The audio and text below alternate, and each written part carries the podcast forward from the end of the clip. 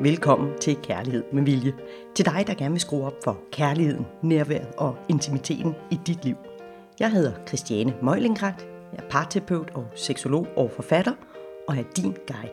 Velkommen til.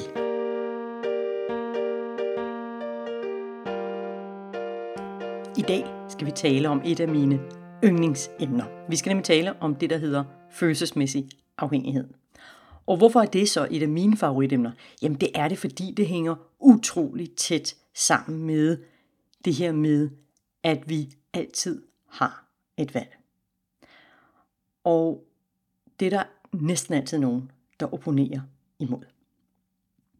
Jeg holdt så sent som i går, holdt jeg faktisk et øh, online foredrag, hvor jeg også taler om det her med, at vi har jo altid et valg.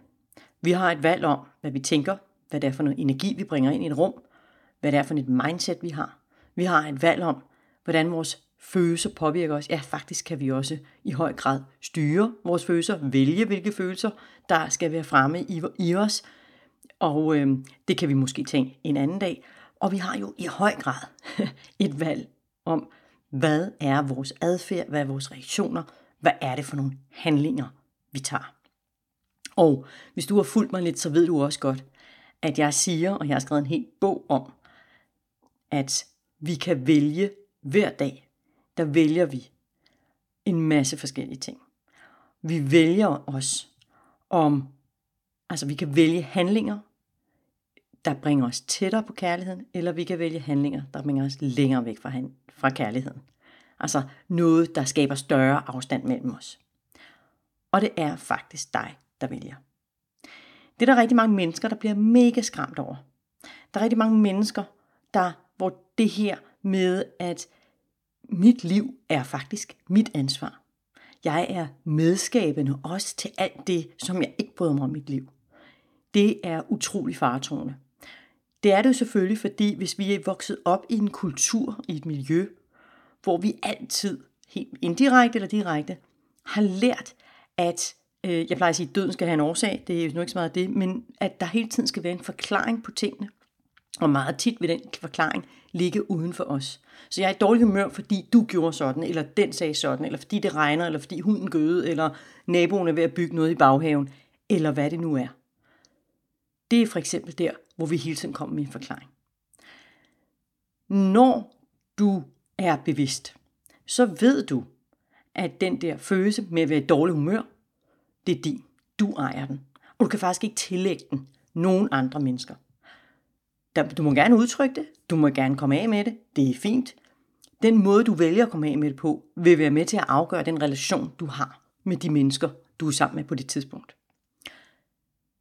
Og du skal også vide, at alt, hvad der foregår i dig, alle de følelser, du har, alt det, du bliver påvirket af, eller ikke påvirket af, de valg, du tager, dem du ikke tager, de passive, de har alt at gøre med, hvad du har med i bagagen. Jeg kalder det, det den måde, du ser verden på. Altså de briller, du har på. De er nemlig helt unikke. Det er dine egne. Jeg har talt om det før. Jeg gør det gerne igen. Men det er simpelthen, det er jo et produkt af alt det, du har oplevet i dit liv. Succes og fiaskoer, glæde og skuffelser, kærlighed, afvisninger osv. osv. osv. Det er din, din helt private rygsæk. Din helt private bagage, som du har med. Jeg har også min, og det er en anden end din.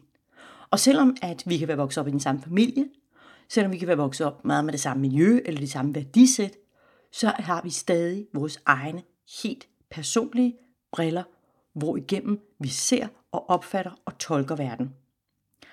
Og det er faktisk en sindssygt vigtig forudsætning for at forstå os, at vi altid har et valg. Det foredrag, jeg holdt der i går, der kom jeg jo ind på det her med, at en af de allervigtigste ting, når vi skal opnå et fedt og skønt og vidunderligt parforhold resten af livet.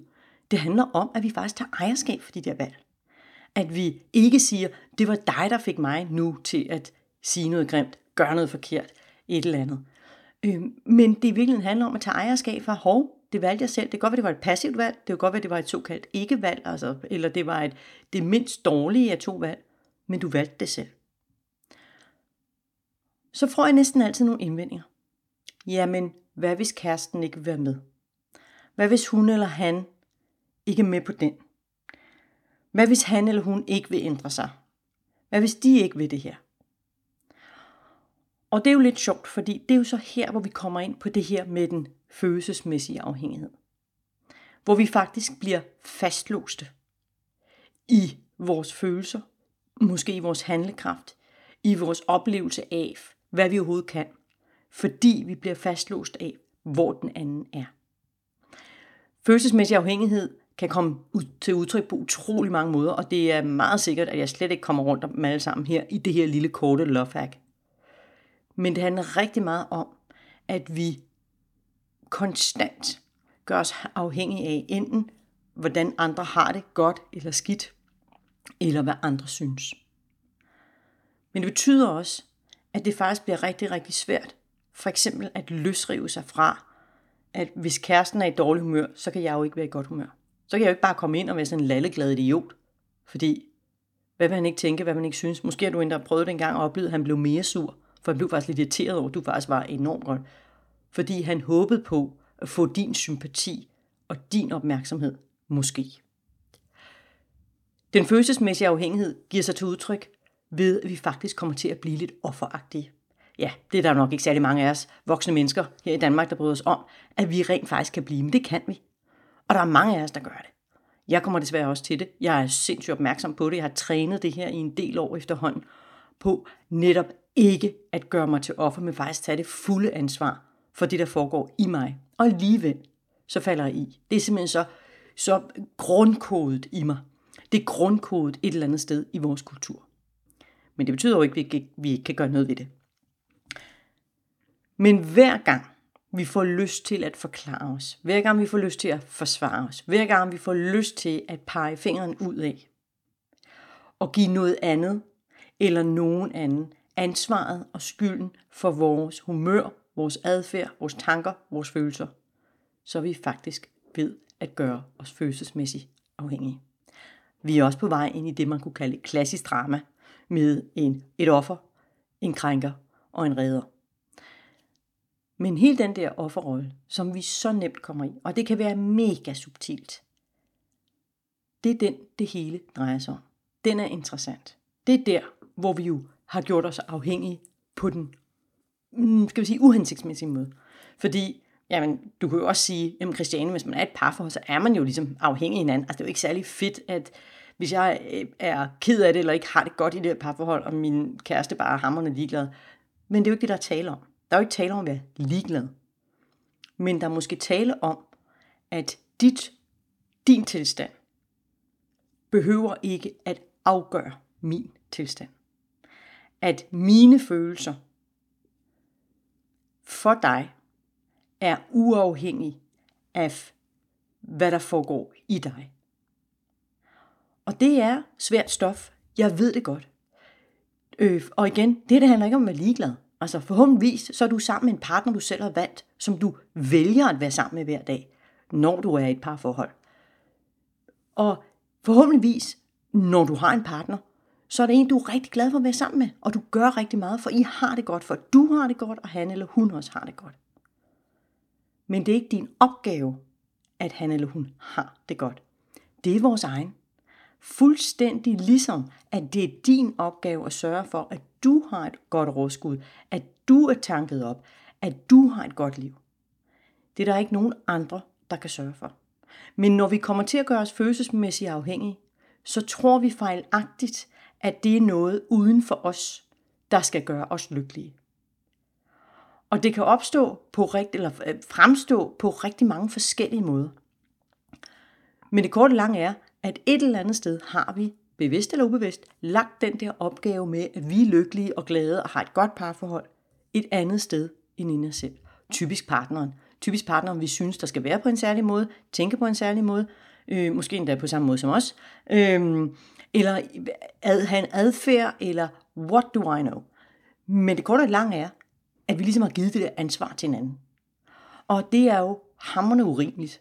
Der er også nogen, der giver ansvar til børnene at det er kun, når børnene opfører sig ordentligt, at jeg faktisk kan være glad. Ellers er jeg, bliver jeg faktisk lidt træt og lidt irritabel, hvis ikke børnene opfører sig ordentligt. Og ja, jeg ved godt, at det kan være vildt anstrengende. Øhm, og jeg ved også godt, at man kan blive irritabel af det. Især hvis man selv har haft en lang dag. Det er jo ikke det.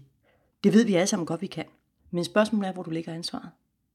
Spørgsmålet er, hvordan du definerer, om du er lykkelig, og hvem der skal gøre hvad for, at du er det. For der er ikke noget galt i at sige til ungerne, prøv lige at høre unger, jeg har faktisk helt vildt ondt i hovedet, jeg er vildt træt, kan I ikke være det stille, eller gå derind, øh, luk døren, leg inde bag en eller anden lukket dør, øhm, eller jeg har lige brug for at gå udenfor et øjeblik. Det er der jo ikke noget galt i. Det er der ikke noget galt i at sige til ungerne. Men lad være med at gøre dem ansvarlige for, hvordan du har det. Det er ikke rimeligt. Og det er slet ikke rimeligt, når det er børn, fordi altså, det er jo børn. De har ikke ansvar for, hvordan deres forældre eller nogen andre voksne i øvrigt har det. Men der er rigtig mange af os, der er vokset op med, pas nu på, at du ikke gør mormor ked af det. Lad nu være med at gøre farmor sur, eller onkel et eller andet irriteret, eller øh, hvad må de ikke synes om os. Det er der jo rigtig mange af os, der er vokset op med. Opfør dig ordentligt. Så bliver man afleveret hen hos bedstemor. Opfør dig ordentligt. Øh, ja.